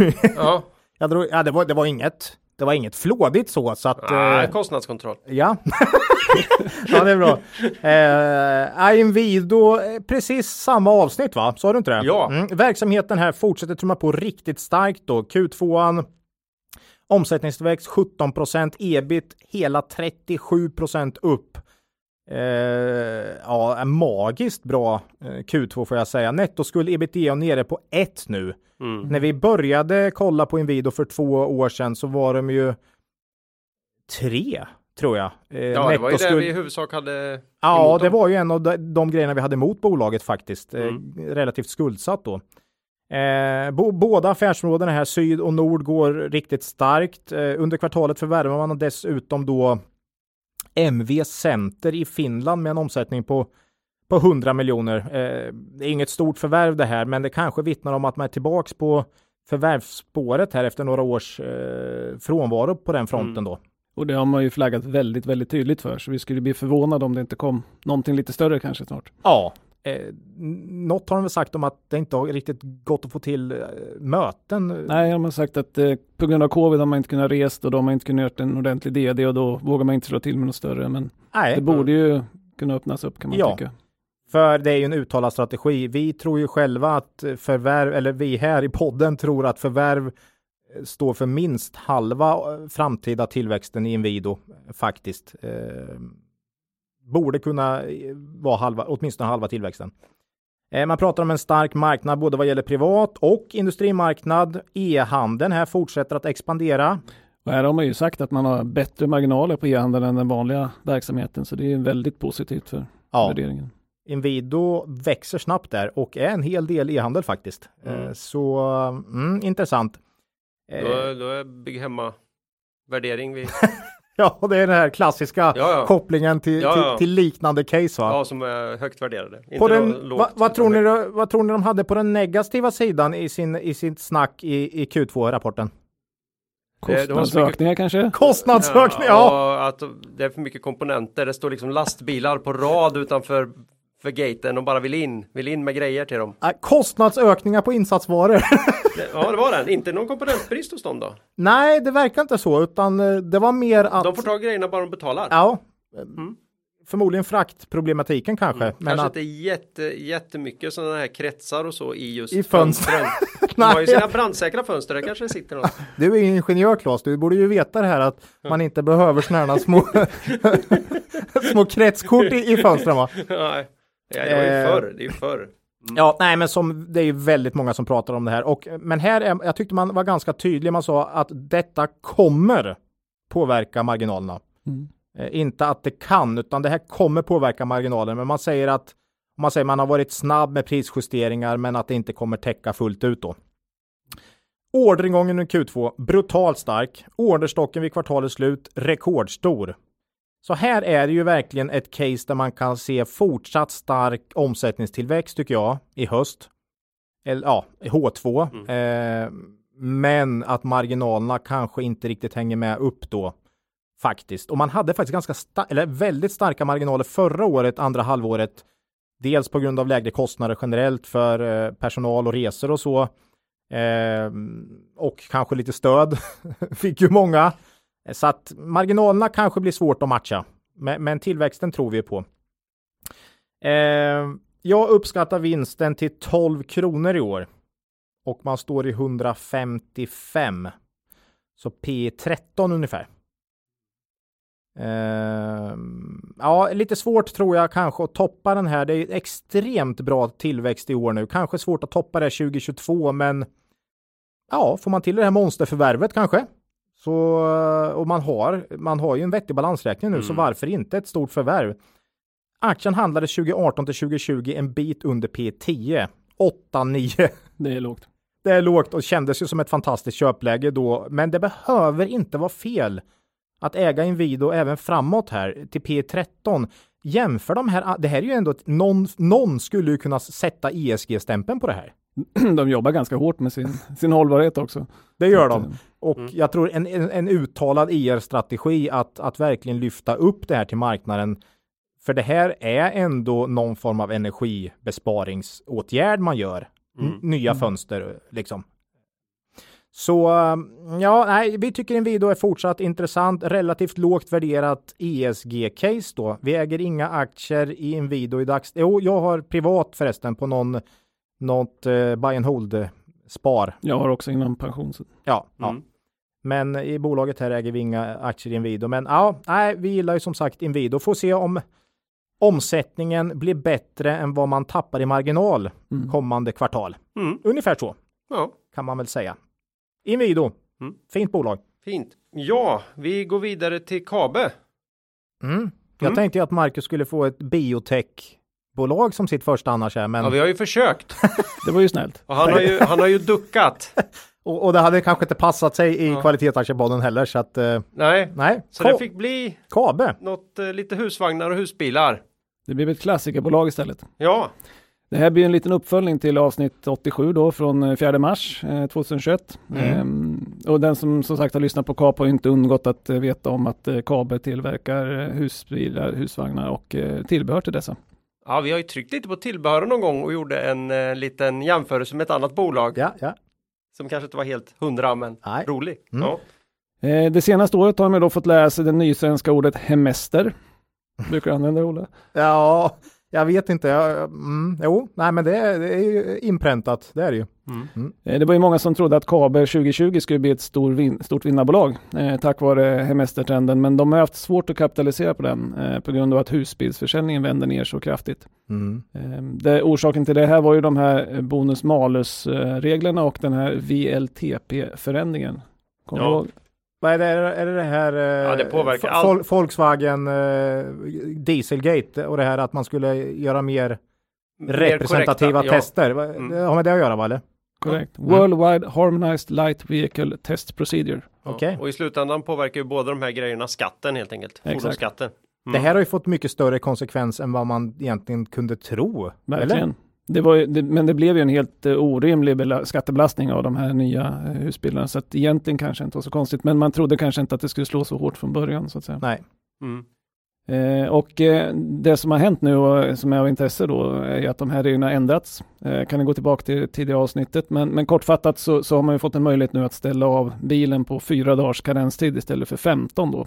Mm. Och därmed eh, få ner beskattningen till en mer rimlig nivå. Ja, man hinner liksom till och med ställa av den under veckan man eh, står på böda liksom. Eller veckorna. Veckorna, ja ja. Mm. Mm. Eh, och bolaget sa ju då i bokslutskommunikén eh, som kom här i, i början på februari att eh, det här borde påverka efterfrågan positivt. Och då kan man fråga sig, hur blev det? Ja, hur blev det Macke? Jo, för jämförbara enheter, man har gjort ett förvärv som vi ska återkomma till lite senare, så steg vinsten 180 procent, omsättningen 29 procent. Så, så, man kan väl lugnt säga att det gick ganska bra ändå. Mm. mm. Eh, nu var ju 2020 ganska svagt, men det är ändå stark, starka siffror. Eh, man konstaterar från bolaget att intresset har varit rekord, rekordstort. Eh, man ser en hög efterfrågan på nya produkter och att man ser också att lagernivån hos återförsäljarna av både nya och begagnade enheter har minskat kraftigt. Mm, det, mm. Då ska ju kabel leverera ut till de här så att de får upp volymerna igen då. Mm. Och man skriver också att de nya reglerna med kortare karenstid påverkar efterfrågan positivt. Mm. Ehm, och att ehm, efterfrågan och orderingången är avsevärt högre än vid samma tidpunkt föregående år. Så då undrar man, är allt frid och fröjd då? Ja, ja. Det, det var Kabe. Då. det var Kabe. Ja, tar vi nästa. Nej, men då har vi samma som vi hade på Inwido här, att man varnar ju då för att eh, verksamheten kommer fortsätta påverkas av komponentbrister, leveransförseningar, prishöjningar av insatsmaterial och stigande fraktpriser. Ja, det här är ju verkligen. De har ju mer än fönster. EU-spelarna ja, så där kanske det finns något. Ja, det här är verkligen uh, talk of the town nu mm. för, för alla bolag nästan. Det blir de intressantaste delarna i Q3-rapporten, att ja. se hur mycket slår det igenom. Um. Och även Q4 skulle jag gissa. Mm. Mm. Eh, som sagt, man är inte ensam om att varna det här, men eh, Kabe brukar vara ganska on point med sina kommentarer i rapporterna. Eh, och ett exempel på det som togs upp i avsnittet 87 då, var att man eh, belyste att Kabe hade flaggat för leveransproblem från Adre i Slovenien då, eh, som ju varit ganska hårt eh, pandemidrabbat under andra vågen då. Eh, och det här syns i siffrorna nu. Eh, Adras marknadsandel har gått från 30 till 28 på husvagnar och från 19 till 14 på husbilar. Mm. Man kan se en påverkan. Sen var fjolårssiffran ovanligt hög, men, men, men, man ser ändå att varningen slog in så att säga. Nej, men jag tycker KB historiskt har det de säger ska man ta ganska stor vikt vid, för de mm. brukar vara ganska träffsäkra i sina kommentarer faktiskt. Vilket är något vi gillar. Ja. Och de, är, de agerar tidigt. Ja. De, de litar själva på det de ser och på det de ser och det de mm. tror. Och ja. det, det är ett styrkebesked. Det har jag sagt förut, där 2008 var de nästan först med att varsla och sådär. Så att, eh, mm. Eh, sen var omsättningen upp 28 så det är absolut ingen katastrof och de har en stark eh, position, men det var korrekt att varna för det. Eh, sen i Q2-rapporten har man tagit bort just den här varningen så att den här delen av eh, verksamhetsproblemen torde förbättras nu eh, framöver. Eh, som, som, som Claes var inne på i eh, avsnittet gick man igenom Kama Fritid eh, som ju då gör tillbehör till fritidsfordon. Eh, förtält, luftkonditionering, fritidsmöbler, cykelhållare, inredningsdetaljer. Eh, den här delen är mycket mer stabil än, än, än eh, nybilsförsäljningen då, eh, av husvagnarna och husbilarna. Men lite bortglömd. Trumma på 7-10% tillväxt, nådde 19% tillväxt i första kvartalet.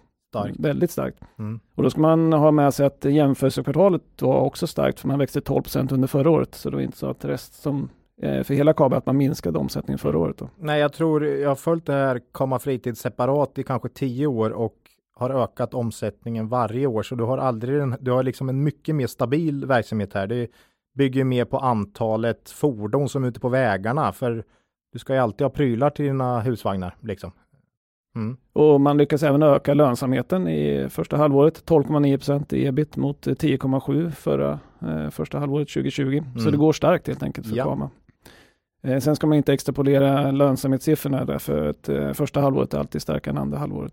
Det är inte någon som köper eh, husvagnsmattor i december menar du? Nej, det känns lite hörru. kan vara så, kan vara så. Ja. ja, men vill man ha pool numera så behöver man ju handla redan på hösten. Så det kanske blir samma med den här. Det är lite olika trender. Det är bra att vi inte har tjäle längre i marken. nej, man... så att det inte finns riktig vinter i den här delen av Sverige i alla fall. Mm. Eh, ja, nej men eh, lite skämtsamt då så sattes ju en, eh, en jämförelse med Thules eh, värdering och eh, om man då tillämpar den på, på eh, Komma fritid så värderas, ja, skulle man motsvara hela värderingen på KABE ungefär. nu funkar det inte riktigt så, men man kan ju se att det kan finnas värde för investerare i Thule att börja titta lite grann på KABE. Mm. Här Komma fritid är en intressant del av KABE som nog är väldigt intimt förknippad med KABE, så det går nog inte liksom att stycka av så kanske, men det är en stabilitet som ligger där och tickar på. Mm. Mm. mm.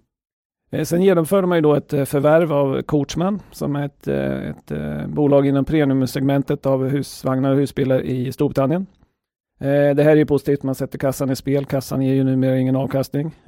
Nej. Så det är ju bra att man, man köpte upp det. Sen kändes det ju även som ett ganska lågriskförvärv, för man hade ju ägt 21,5 procent i ett antal år, så man kände ju verksamheten mycket väl mm. innan man köpte resten. Då. Eh, man sa då vid förvärvstillfället att man ska omsätta 350 miljoner till en 6% i marginal eh, och det skulle ge 3-4 kronor per aktie på, på vinst per aktie. Då. Vi tyckte väl kanske inte att marknaden tog ut det här fullt in och diskonterade när man gjorde förvärvet. Då. Eh, Nej. Och I rapporten så säger man nu att Korsman har flyttat fram sina marknadspositioner, har en rekordhög orderingång och orderstock. Mm. Um, och då eh, tittar vi lite grann på det här om man har omsatt ungefär 219 miljoner. Vi gissar på 450 till 480 kanske på helåret. Ja, det är betydligt mer än de här 350 i alla fall. Precis, så mm. det verkar gå bra. Eh, och mot den bakgrunden blev vi lite förvånade när KABE i Q2-rapporten sänkte intervallet för vinstbidraget till 2 till 4 kronor per aktie. Utan någon som helst kommentar. Ja, det, var, eh, det gick obemärkt så att säga. Men, men, man sa det ändå. Man ändrade det. Men, ja. Och det var, vi, vi tyckte det var lite konstigt så vi kontaktade bolaget och frågade om man hade ändrat syn. Eh, och man sa att det har vi inte gjort. Eh, däremot så är det en redovisningsteknisk eh, förändring kopplat till förvärvsanalysen då, som gör att man skruvar ner det här till 2-4 kronor per aktie. Mm. Eh, vi... men, men, är man positivt lagd kan man säga att det kan fortfarande bli fyra. det kan fortfarande bli fyra. Mm. Ja. Så, så vi ändrar inte synen på coachman och det verkar gå bra. Men vi gillar inte att bolag gör den här typen av ändring utan eh, kommentar. Så att det är ingen guldstjärna för just den delen. Nej. Eh, nu utlovar de en bättre beskrivning till Q3 så vi får väl eh, utgå från att det blir en sån. Snyggt Macke, snyggt. Mm. Mm. I eh, avsnittet i våras då så prognostiserades 16 kronor per aktie plus 3 kronor för coachman. Eh, det vill säga 19 kronor per aktie. Eh, kan jämföras med toppvinsten 2018 på 18 kronor, men då utan förvärv då. Mm. Eh, man vågar inte tro på högre på grund av Adria-problemen och eh, det gav P 11 ungefär. Mm. Eh, det vi har gjort nu är att vi har höjt omsättningsprognosen lite grann på grund av den starka försäljningsutvecklingen och eh, kraftig efterfrågan. Eh, men sänkt marginalförväntningar lite grann igen då på grund av de här varningarna för kostnadsutvecklingen. Det har vi gjort i väldigt många bolag. Eh, Men vi tror dock fortfarande som helhet på ungefär 19 kronor i vinst per aktie. Knappt P12 eh, på kurs 230. Eh, vi tycker det är fortfarande för lågt för ett Mm. kvalitetsbolag som Kabe, eh, som dessutom har bra momentum i verksamheten. Eh, den stora kassan gör också att ev-ebit inte är högre än 7,9. Nej. Vilket inte är särskilt högt. Och dessutom, de har ju börjat sätta kassan i spel lite. Så att Exakt. kanske Mm. det kan bli, de kan använda den. För annars står den ju bara där och, utan nytta. Och det är ju en dold potential här att Ja. nettokassan är 47 kronor per aktie. Kan användas till nya förvärv. Mm.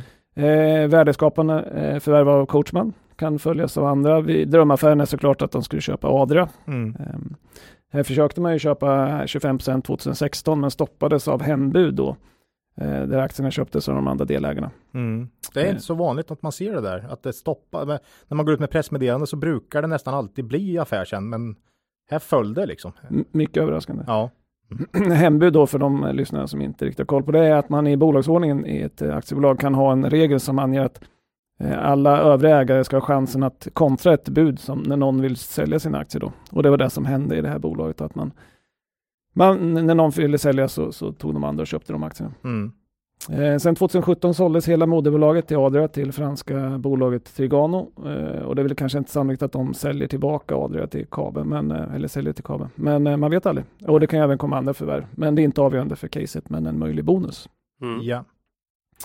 Eh, nej men Triga, det här Trigano är ju en eh, peer. Tydlig peer till Kabe fast större. Fast större. eh, i Frankrike och har en betydligt högre värdering också har jag sett. Japp. 17 i P eller något sånt där, 18 kanske. Så att, eh, mm. Mm. Och här äger eh, Kap lite aktier. ja, vi har köpt eh, aktier där och äger aktier i, i, i Kabe. Mm. Mm. Det har vi gjort i omgångar under många år. Och eh, nej, intressant bolag. Det är inget jättestort innehav. Vi- Man är väl lite orolig för komponentbristen här och det här. Men Vi ser det spela ut lite grann. ja, vi får väl se vad, som, vad de säger i Q3. Mm. Mm. Det är många bo ja, eh, extremt svårt tycker jag inför Q3 alltså i många branscher. Eh, vad är det på väg? Och det är kanske därför man ser också att börsen är lite mer eh, lite svagare nu, lite mer tveksam för att man vet nog inte riktigt vart det här landar skulle jag tro Mm. eh, med alla de här problemen eh, i leveranser och eh, insatsvaror liksom. Ja, det är en spännande soppa. Mm.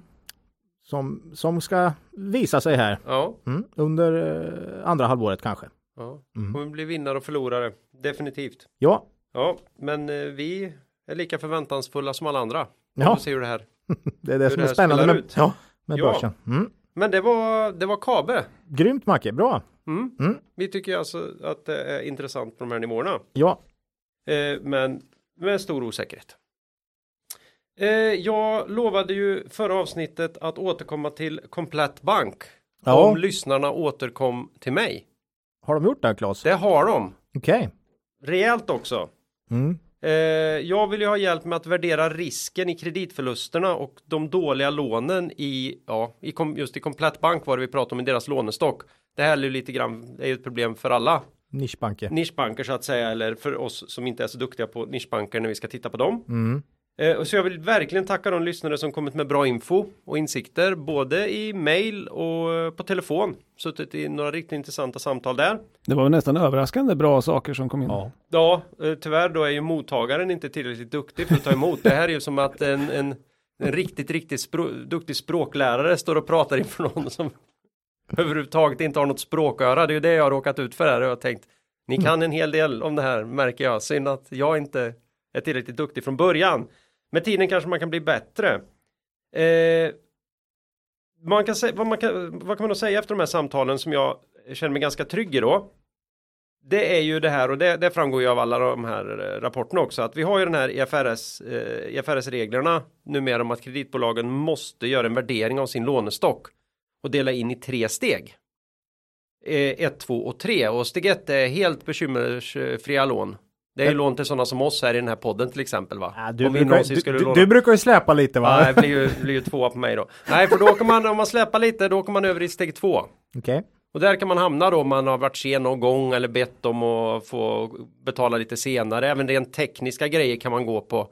Uh, ganska finurliga system har de ofta för att se att ah, det här känns ändå inte riktigt friskt när man börjar göra sådana här saker. Jag ska inte ta några exempel här men uh, då, då, då, då, tycker vi nog att det känns som att det har blivit en liten högre risk i det här, i det här lånet. Uh, och uh, sen har vi då steg 3. Vad är steg 3? Steg 3 Ola. Det är, det är, inkasso. är det inget bra. Nej, nej. Det är lån som är över 91 dagar gamla. Det har alltså okay. inte betalts på dem på 91 dagar och då tänker Oj. man sig att 30 dagar, mer än det har du sällan på dig va? Mm. Och eh, man är mer än 90 dagar sen dessutom. Mm. Och eh, du, många av dem är inkasso. Vi snackar skuldsanering här och grejer va? Ja det kan det väl bli. Mm. Eh, det, det, tar väl en stund i och för sig. Mm. Så, så vi, vi, för att göra det enkelt då, om jag får sammanfatta vad de här kunskaperna har lärt mig, så steg 1 och 2 behöver man inte oroa sig för. Så det är jättemycket och det är svårt att börja göra värderingar av steg 2, hur mycket av det. Tänk dig snarare att steg 2 är ofta närmare steg 1 än steg 3 och sådär. Okej.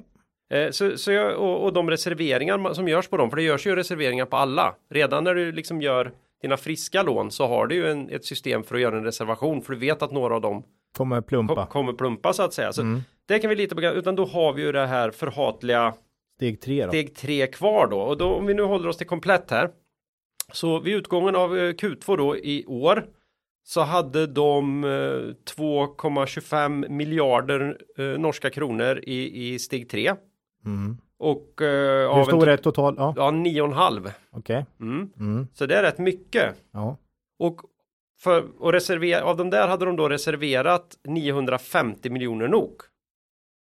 Eh, så de tror alltså att de ska kunna sälja de här lånen som kallas NPL-lån ofta, eller delar av den här stocken, men stora delar av den är ju sådana non-performing loans, alltså lån som inte, som inte funkar.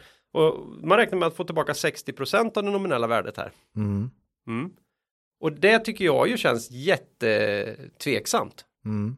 Uh, va, va, vem säljer man sånt till? Är det ja, Hoist och de här, Intrum och de här. Det finns ju en stor marknad idag för bolag som tar över de här dåliga lånen och försöker sätta upp nya avbetalningsplaner och som har blivit experter på att ändå mm. att ändå uh... Men betalar de så pass mycket? Nej, det är väl det man inte mm. vet. Nej. Jag har väldigt svårt att tro det, särskilt då för då menar de på att jo men eh, vi lyckades baka ihop en resurs hade ju en här sistens då där man bakade ihop ett antal sådana här lån och sålde av och fick tillbaka den här den här pengen som man ändå hade kvar, och, kvar så att säga. Ja, ja då, då börjar man ju fundera på, och nu ska blanda vi bolag lite här, men vilka av lånen var det då man bakade ihop av den här stocken mm. så låg? Var det de sämsta steg 3 eller de bästa steg 3 eller var det en snittsteg 3? Det här är svarta lådor. Ja, ja, ja. För oss utifrån så är det svårt. fruktansvärt svårt att veta något av det här och man är inte tydlig med det alls skulle jag vilja säga. Och absolut inte i komplett redovisning då. Eh, och då utgör ju alltså de här steg 3-lånen nästan 25% av kompletts lånestock idag. Och eh, ja, vad kan det bero på? Vad den beror på så är det väl en, en, en, en stor del i förklaringen till Kompletts relativt låga värdering jämfört med sina mm. kollegor som i branschen som ligger bra mycket bättre till. Och någonting som jag inte, jag kan inte hitta fakta i det här målet, men två av mina uppgiftslämnare här hävdar med en fas att Komplett har en större andel stora blankolån Alltså det här klassiska att du får ett brev hem i brevlådan, låna upp till 400 000 utan säkerhet. Mm. Eh, att, att de, TF då tippar de av de här Pearson har absolut minst medelstorlek på lånen och eh, att, att eh, komplett då ligger i andra ändan så att säga. Mm, det. Det. här har jag inte kunnat, jag kan inte bevisa så det här är vild, vild spekulation men, men om den tron de här människorna som jag har pratat med är ju ofta i i finansbranschen och kanske är med och påverkar lite grann mm. vilka kurser de här bolagen har. Så det finns uppenbarligen en sån tro där ute. Men det skulle kunna vara helt fel. Mm. Jag, jag har ingen aning och det här är ingenting som bolagen redovisar öppet. Och det är säga. lite det här som vi har alltid svårt med i just de här bolagen, mm. att det är den här svarta lådan och man vet inte riktigt vad, hur stora riskerna är. Nej. Eh, vi gillar ju inte risker Ja. generellt. Och, och det, är- det är mycket om och men här, för då var det en av dem som sa, ja men titta här nu, eh, komplett kreditförluster ligger ju eh, på 3,5 procent. How much worse can it be så att säga. det är oerhört sällan även i dåliga tider. För där måste man komma ihåg att de här som utgör de här riktigt dåliga lånen, eh, de, de är redan svaga betalare. Eh, det kommer inte så många fler av dem, de som inte har de här dåliga lånen, de klarar sig ofta ganska bra. Det är folk med bra lån eller bra jobb och s- städad ekonomi och kanske lite and, andra tillgångar. Man har tagit de här lånen för att slippa spara i sitt liv helt enkelt eller låta bli att göra något. Så de som är dåliga är de som oftast får svårt att få jobb i dåliga tider. Så det behöver inte bli så jäkla mycket sämre, det ska man komma ihåg. Samtidigt så säger ju den här människan också då att men missa inte nu att det kommer en ny EU-regel här som kan ställa till det ordentligt. Det kommer nämligen och den låter oerhört intelligent. Det, det är någonting som kallas NPL backstop. Non-performing loan backstop där man sätter upp en reglering för alla typer av lån från alla typer av institut. Så det här drabbar även stora banker. Men reglerna är helt olika beroende på vilken säkerhet du har. Eh, Hela Europa eller vad är det Ja, här? hela Europa, det här ska införas men det införs ju land för land. Mm. Så jag har ju kunnat hitta så att det införs rakt av i Norge och där har ju komplett en stor del av sin utlåning. Jag utgår bara från att Sverige som alltid är bäst i klassen har de här reglerna på plats. Eller, eller vill vara bäst. Ja, eh, det hävdar någon av de här kunskaperna i alla fall. Att, och det här innebär helt enkelt att man kan inte ligga på sådana här eh, non-performing lån i, i balansräkningen nu hur länge som helst, för det har man kunnat förut. Mm. Du har liksom aldrig behövt, behövt realisera de här förlusterna. Utan nu har du, från att de blir dåliga, så har du tre år på dig så att säga. Okej. Sen måste du antingen ha sålt dem eller skriva ner dem till noll. Så en del kan komma upp till ytan menar du? Kom, Ja, kommande nu år? kommer det ju bli så att med tiden så kommer de här dåliga, är det blankolån så har de bara tre år på sig och göra någonting vettigt med det, annars så ska värdet ner till noll i balansräkningen. Och är det, är det lån med någon slags säkerhet, är det någon allmän säkerhet, kanske någon bil eller något, ja, då är det sju år. Och är det fastigheter så är det nio år, så där kommer ju inte det här märkas på länge än. Men just för blankolånen, alltså lån utan säkerhet, så kommer det här börja hända nu. Och det här infördes då i april 19 och nu har det gått tre år 19 2021. Eh, 2022 menar jag. Så, så och effekten av någon bokföringsteknisk anledning så kommer det här mär- märkas först i Q3-erna Nästa år? nästa år. Mm. Som ett år då. Möjligen att det märks lite grann i Q2. Komplett tar upp det här också i sin eh, senaste månadsrapportering och säger att det är på väg. Det kommer inte ha någon påverkan på oss 2021 men vi kommer kanske märka lite grann av det 2022 då. Om Så- de skulle få en större påverkan så måste de ju Mm. rimligtvis gå ut med det så fort de vet om det och inte vänta till rapporten kan man tycka. Ja. Ja. Så, så jag tänker helt enkelt sätta mig här nu och vänta och se. Och vad som Jag trodde, händer. du, jag trodde du skulle säga, så jag har helt enkelt, Sonica köpt en ganska stor post. post i komplett. I komplett. Ja, det här är inte jag rädd för. Nej, nej. Nej men det, det, är, det är lite svarta lådor. Ja. man, man ska inte dra alla över samma kam men, men uh, Collector fick ju göra en nyemission här när man omvärderade sina lån mellan de här olika Mm. stegen Men, man, för, man, för något år sedan. men det att kanske kan, kan bli ett läge då har, väldigt mycket kommer upp till ytan kommande Mm. år och drar med sig kurserna ner och sen är det inte så mycket skit kvar men kurserna är låga. Ja, Kanske kan bli det något kan ju bli ett sånt läge att en Mm. hel del måste upp till ytan. Det, Mm. ser, det ser riktigt jobbigt ut. Kursen tar stryk men egentligen försvinner all risk. Ja, lite så. Eller Mm. stor del av Eh, risken försvinner. Ja, precis. Och helt plötsligt så är det här Mm. eh, oerhört intressant. Mm. Man har ju ett oerhört strikt regelverk i Norge. Det tyckte jag var intressant att även de som är inne i den här branschen önskar ju att man skulle införa exakt samma regelverk i Sverige Mm. och framför allt då bli av med Lyxfällan i tv genom att ta fram ett, ett nationellt register över lån så att du inte missar vilka, vilka sådana här krediter Du får Eh, inte och- slänga på en kredit på någon som är med i det här registret till exempel. Och, och, Nej, du, mycket mer transparent än vad dagens kredit, eh, vad heter de här, du tar eh, Kreditupplysning. en kreditupplysning idag, den är alldeles för dålig jämfört med en sån här online realtid grej då som Mm. Ja. eh, och det blir så mycket svårare att säga att "Nej, det där, det där tittade inte vi på så noga utan då blir du enligt lag skyldig att ta hänsyn till alla krediter som ligger då. Lite som Spelinspektionens spelpaus och Ja. här eller? De grejerna Mm. Mm. eh, för, för att försöka för att försöka styra upp det här så att säga. Eh, det kommer nog komma. Det Mm. finns en hel uppsjö av andra väldigt, väldigt bra regler i Norge. Mm. Ett blankolån måste betalas av om jag tror det var på fem år och det finns gränser för hur hög den faktiska räntan får bli och sådär. Så det, Så lite, lite summerat här då. Eh, det, är ing, det är inget, det är tack till alla lyssnare. Det är Ja. kanske inget vi vågar ta i dagsläget här, men, men att det kanske kan bli intressant om mycket kommer upp ja, kommande år här. Ja, så jag tänker bara låta det här, det här spela ut och se att det verkligen blir infört i alla relevanta länder. I de här bolagens fall så är det ju, är det ju Sverige, Norge, Finland Mm. som, som de är i. Mm.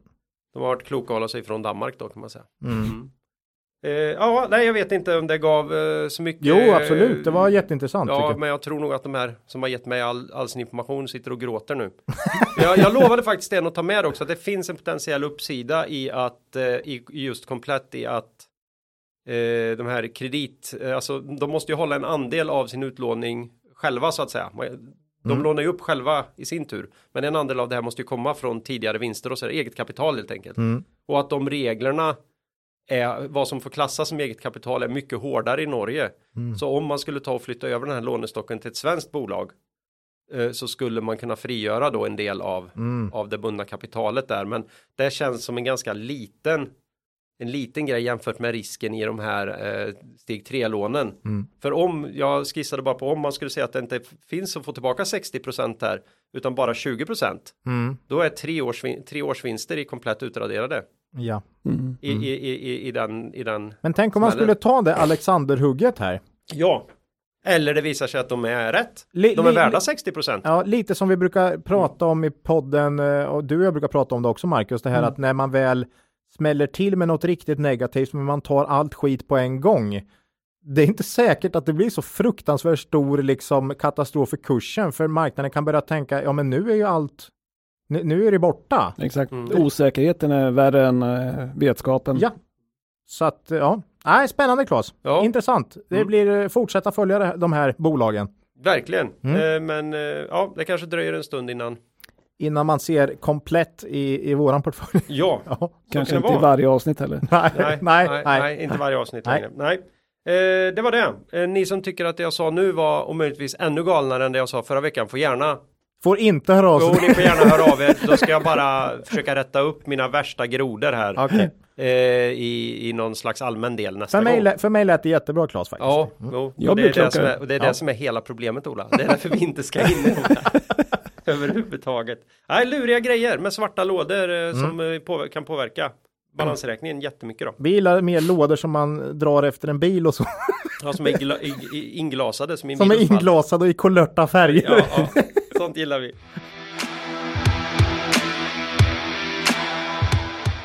Det är ingen lyssnarfråga idag. Däremot eh, ett citat. Wow! Men Mm. då kan vi säga så här. Det är avsnitt 100. Ja, det händer Nästa mycket nytt. avsnitt är 101. Mm. Då är det lite som en nystart för podden. Även om den stora grejen är ju att Marcus kommer in här naturligtvis. Mm. Eh, så en del grejer kanske inte kommer bli riktigt som de alltid har varit. Nej, Vi kommer inte ta upp så mycket bolag, jo det kommer vi göra. men, men inramningen kommer väl kanske bli annorlunda, men det blir samma trötta bolagstjafs. Men det blir Eh, inte krypto heller. alltså. Nej, ingen krypto. Det är inte krypto, nej. Men, eh, och kanske inte ordspråk, eller ordspråk, citat varje gång. nej. Så för att, för att sätta en liten guldkant på den eran Mm. så tänkte jag faktiskt eh, köra två klassiska svenska ordspråk här. Okej. Som kan ha en koppling till våran omdaning av podden då. Mhm. Det här är ju mina favoriter och det första är ju då Du menar att när Marcus kommer in här? Ja. då? Okej. Ju fler kockar desto sämre soppa. Den är ju för jävla bra va. Och, och som jag ser som komplementer till den. Själv är bäste dräng. Va? Vad- Vad, är, vad betyder de här? Va, hur har de kommit till? Är inte Alltså? Sverige ganska bra på samarbete? Jo, jag trodde ju det. Man har liksom huggit i och, och, och arbetat tillsammans och det här. Nej. Men ändå på något sätt på 1800-talet så var liksom, nej, det här löser jag själv. det, jag, jag får väl fix, fixa det själv då för fan. Ja, Ja. ja, jag vet inte var det kommer ifrån. Jag kan ju tycka ju fler kockar desto sämre soppa. Det kan jag ju tycka om det gäller eh, bolagsledning och så. Ja, mat Riktigt. också Ja, faktiskt. ja, ja. Ju- Just, just den, Ja. det kan ju vara sant faktiskt. alla saltar en gång var. Ja, Ja, vad var det hon sa Martina? Smaka, smaka, smaka. ja. Det kan vara viktigt att göra det. Nej, jag tyckte de var lite roliga bara. lite roliga. Ja, som en liten avrundning. Jag tror inte vi ska dra några större lärdomar än att det finns mycket sådana här citat och ordspråk som är helt, he- helt koko. Själv Ja. är bäste dräng. Ja. Ja, ja. Mm. Eh, vi närmar oss slutet. Ja, lång podd idag. Ja, Fattas eh, bara. fattas bara. Nästa avsnitt är ju 101. Mm. Mm. Kommer ut, eh, ja om eh, onsdagen.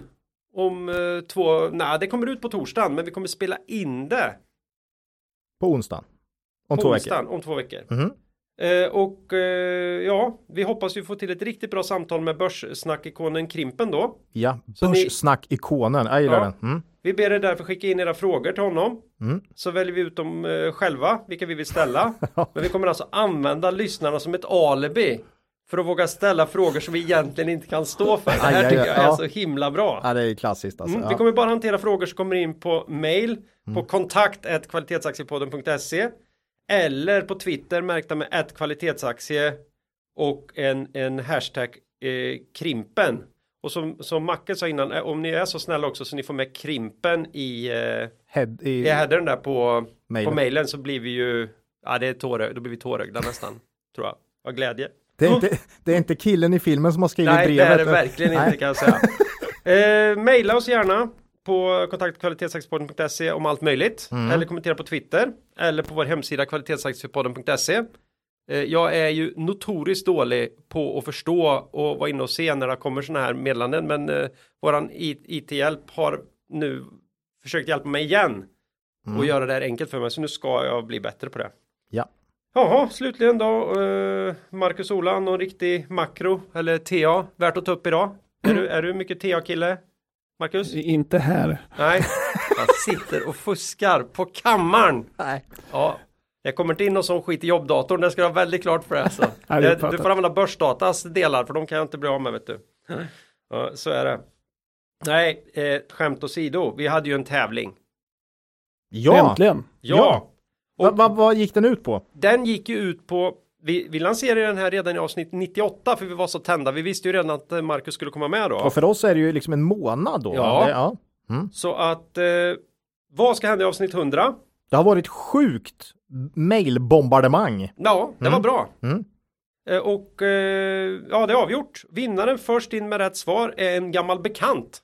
Och då kan man tro att vi helt plötsligt har väldigt få lyssnare då, när det är samma människor. Men det här är faktiskt Otto Kamne igen. Han vann ju tidigare ett Alf-spel här. Kan det ha varit till påsk eller till jul eller något sånt här? Mm, till jul va? Ja, men nu, Mm. även om det är väldigt trevligt med Alf-spel va, Mm. så, så får man väl ändå säga att ett signerat ex av Howard Marks The Most Important Thing. Det, det slår det högre Ola. Ja, ja, ja. Det, Mm. På något sätt är det väl, Trots att vi har kluddat i och förstört själva ja, nej, jag, boken. jag, jag tycker. Mm. det, är en, det är en fin gåva. Mm. Varför vann han då? Jo, han vann. Det fanns ju två klasser där. Mm. En var vad kommer hända på riktigt och en senare är Den roligaste. den roligaste. Va, Och, vad som eh, kommer hända. Mm. och det här är vad som händer på riktigt. Mm. Skriver han så här. Jag är ganska säker på att ni inför avsnitt 100 kommer lägga till ytterligare en poddare i podden. Oj. Den nya personen kommer heta Björn. Ja, näst, nej, inte, ja, inte och helt. eran ja. podd kommer därefter givetvis bli känd som Håsola, Kvalleklasse och Björnbjörn. Björn, Björn. Ja, Ja, jag vet inte det om alla Björn, förstår det, Björn. men Björn är ju ett... Eh, det är ju Bull ett... bear. Bull och bear, ja, precis. Eh, Bull när det är upp på börsen och, och bear när det är björn. Tjur upp, björn ner. ja. Ja. Sen då har det ju varit svårt Och- att eh, kora det Roligast. bästa men fel. Ja, för det har varit sjukt mycket Det roligare. har varit mycket roligt där. Mm. Och eh, det, Det, här var väl, är... det var väl någon som gissade på att eh, det skulle poddas nakna. Ja, ja. Det är bra förslag som inte vinner. Jag vet inte riktigt hur de skulle veta om det uppfylldes. Ja, eller så här, vi, vi gör ju redan det. så det skulle ju inte Och vara där tappar vi cirka, cirka tusen lyssnare till för det, nästa. var ju det, det är ju det som gör att även gissningen att vi ska sända det här på video eller köra live, de faller ju också. För vi vill ju inte bli, vi vill ju inte bli arresterade när vi håller på Nej, nej, eh, med podden va? nej. Nej. Eh, nej, så är det ju. Men Eh, nej, det var inte det som vann. Vad det var, var inte det. vad utan- var det som vann? Det kommer från Simon Danell. Mhm. Och han har, eh, följande fullt rimliga gissning. Så nu får ni följa med mig här för det här är ganska långt då. Okej. Eh, under sommaren och förra året har många microcap eh, gått enormt mycket bättre än era så kallade kvalitetsbolag. Därför har ni tillsammans med Twitter-profilen Ibra Kadabra bestämt er att skriva boken It's really different now. En fundamental analys av bolag utan omsättning. Boken kommer innehålla kapitel som Diamond Hands i tuffa tider. varför ni inte ska läsa rapporter och vem behöver vinst när man har en kanal på Discord. ja. och ni kommer även ha gäster i boken såsom Skogsturken som skriver kapitlet Vem var det som sålde? och sista kapitlet är Surungen från Lilla Sportspegeln och vad han tyckte om öppningskålen i Parans Solar Lightning dagen då de skulle avnoteras. Ja. Det här var ju nära att det hände. jo, jättenära. Ja, nej, vi kommer inte lansera, vi kommer inte i avsnitt 100 berätta att den boken kommer, tyvärr. Nej. Tyvärr. Men- Så grattis Simon och grattis Otto säger vi. Mm. Och eh, ett ex of the most important thing av Howard Marks kommer på posten. Även till här ja. Precis. Ja, ja. Grattis! Det, det är det som händer. Grattis. Grattis till vinnarna. Och tack för alla bidrag. Ja. ja, det har varit jätteroligt. Mm. Eh, eget ägande. Aspire har vi ju och sen så Kabe. Ja. Och dessutom Invido har ju jag privat Mm. i en buy and hold portfölj. Samma här. Spackarna. Spackarna, ja just det. Mm. Ja. Eh, så är det. Mm. Så innan vi skiljs åt vill vi bara påminna er om att gå in på Cavaliers hemsida kavaljer.se och läsa på om deras fina erbjudanden. Kom också ihåg att historisk avkastning i fonder inte behöver vara en indikator på framtida avkastning och att ni kan förlora delar av ert satsade kapital då fonder kan både gå upp och ner i värde. Men nu säger vi hej då för den här gången och ber er komma ihåg att Det är först när tidvattnet drar sig tillbaka som du får se vem som badat naken. Lose money for the firm and I will be understanding. Lose a shred of reputation for the firm and I will be ruthless. I welcome your questions.